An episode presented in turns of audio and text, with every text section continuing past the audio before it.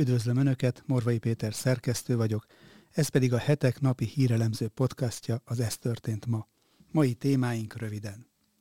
Szergej Szurovikin került az orosz csapatok élére Ukrajnában, és az elmúlt két napban be is bizonyította, miért kapta a hírhet Armageddon tábornok elnevezést. Szurovikin kétszerült börtönben, de állami kitüntetéseket is kapott. Portréja most a honlapunkon olvasható. Megkérdeztük Ukrajna csatlakozásáról az Észak-Atlanti Szerződés szervezetét. A NATO szóvivőjének a hetek számára küldött válaszából kiderül, mire számíthat a háborúban álló ország. A francia gazdasági miniszter szerint meg kell akadályozni, hogy amerikai dominancia jöjjön létre a világon. Bruno Le Maire a jövő évi francia állami költségvetésről szóló felszólalásában arról beszélt, hogy az amerikai vállalatok négyszeres áron adják el a cseppfolyósított földgázt az energiaválsággal küzdő Franciaországnak. A Hetek Originals adásának mai vendége Seres László újságíró, az individualista blog alapító főszerkesztője volt, akivel az ukrán-orosz háború morális és kommunikációs dilemmáiról beszélgettünk. Többek között arról, lehet-e példakép Volodymyr Zelenszky ukrán elnök. Önök az október 11-i adást hallják, a nap legizgalmasabb híreit és aktualitásokat a hetek válogatásában. Mindenről részletesen is olvashatnak és hallgathatnak a hetek.hu oldalon, illetve YouTube csatornánkon. Az adásban elhangzott témákhoz a videó leírásában megtalálják a kapcsolódó linkeket is. Köszönjük, hogy már több mint 52 ezeren követik Facebook oldalunkat, és közel 10 ezeren iratkoztak fel YouTube csatornánkra is. Ha esetleg ezt nem tették volna még meg, kérem csatlakozzanak, hogy biztosan értesüljenek a legfrissebb tartalmainkról. Nézzük akkor a témáinkat részletesebben. Szergej Szurovikin került az orosz csapatok élére Ukrajnában, és az elmúlt két napban be is bizonyította, miért kapta a hírhet Armageddon tábornok elnevezést. Szurovikin kétszerült börtönben, de állami kitüntetéseket is kapott, portréja most a honlapunkon olvasható. Az orosz tábornok legutóbb a déli erőket irányította Ukrajnában, de korábban szíriai parancsnoksága miatt híresült el kegyetlenkedéseiről. Szergej Szurovikin az 1990-es évek óta katona, pályafutásával kapcsolatban többször felmerültek botrányok és kegyetlenkedések hírei is. Az 1991-es oroszországi demokrácia párti tüntetések során ő volt az egyetlen olyan katonai vezető, aki a tüntetők közé lövetett. A parancsnokság alá tartozó katonák három tüntetőt megöltek, ami miatt Szurovikin ellen először eljárást indítottak, és hat hónapot börtönben kellett töltenie, de végül felmentették, mert Boris Jelcin azzal érvelt a védelmében, hogy Szurovikin úgymond csak parancsot teljesített. Négy évvel később ismét börtönbe került, akkor illegális fegyverkereskedelem miatt, de ekkor is sikerült megúsznia a hosszabb börtönbüntetést, mert állítólag törbe csalták, és az ellene hozott ítéletet megsemmisítették.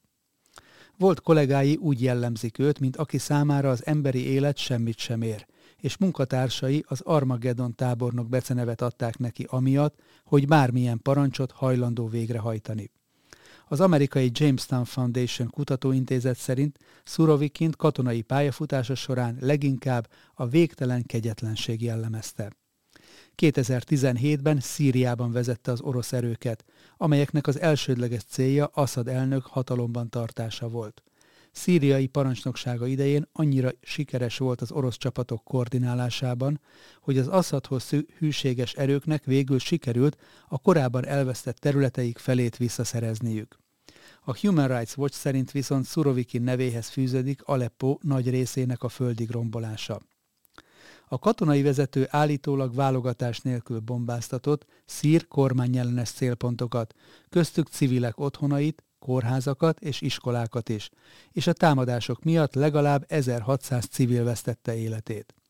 Az orosz politikai vezetés azonban nagyon elégedett volt Szurovikin teljesítményével, ezért 2017 végén elnyerte az Oroszország hőse kitüntetést, és kinevezték az orosz légierő parancsnokának.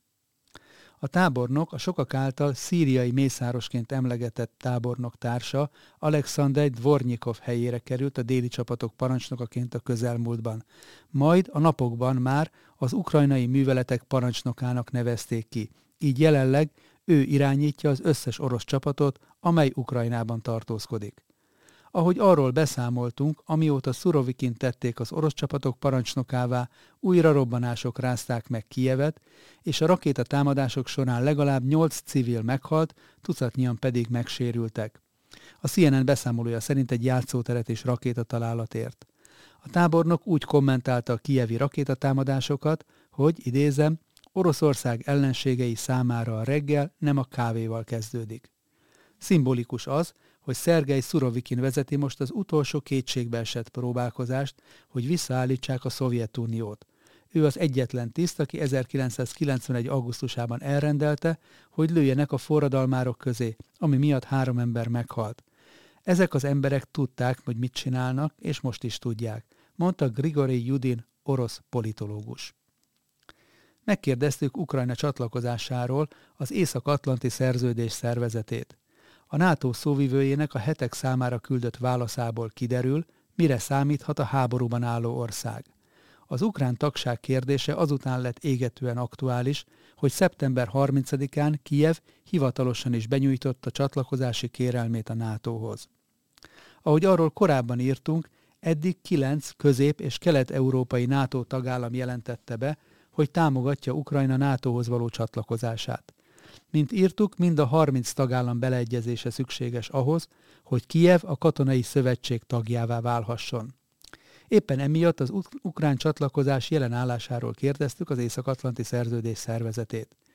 Egy meg nem nevezett nato tisztviselő Kijev tagsága kapcsán arra hívta fel a figyelmet, hogy mint arról Jens Stoltenberg NATO főtitkár nyilatkozott, minden európai demokráciának joga van kérelmezni a NATO tagságot, és a NATO szövetségesek ezt tiszteletben is tartják.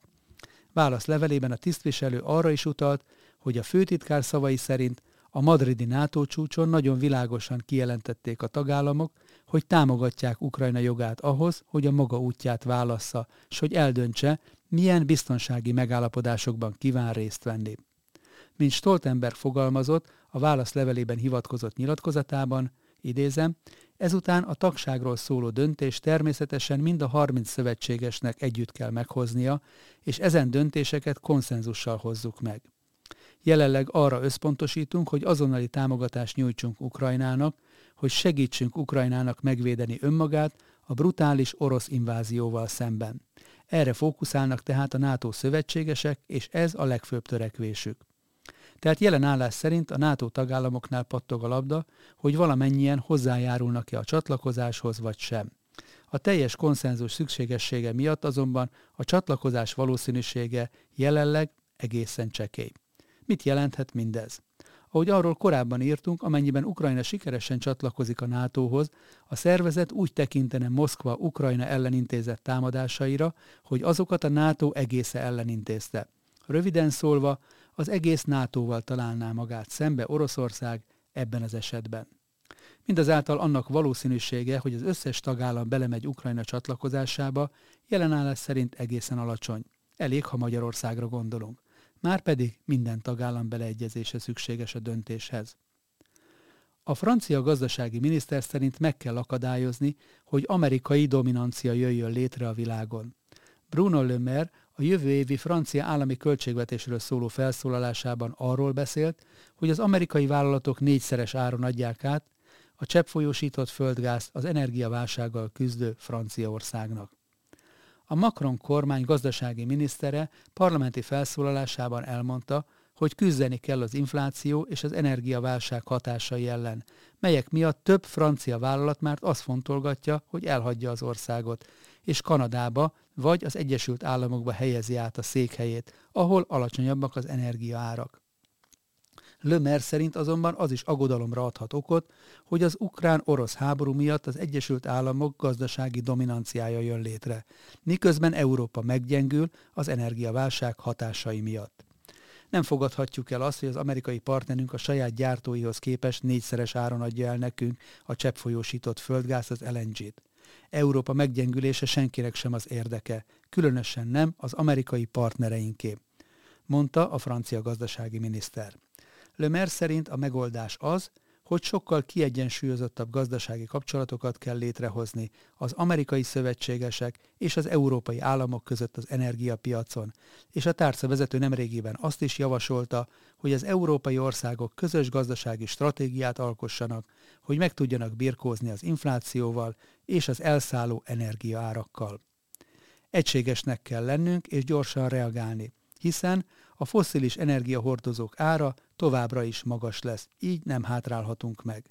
Többet kell tennünk az energiahatékonyság érdekében, félekedett Lemer. A Hetek Originals adásának mai vendége Seres László újságíró, az individualista blog alapító főszerkesztője volt, akivel az ukrán-orosz háború morális és kommunikációs dilemmáiról beszélgettünk.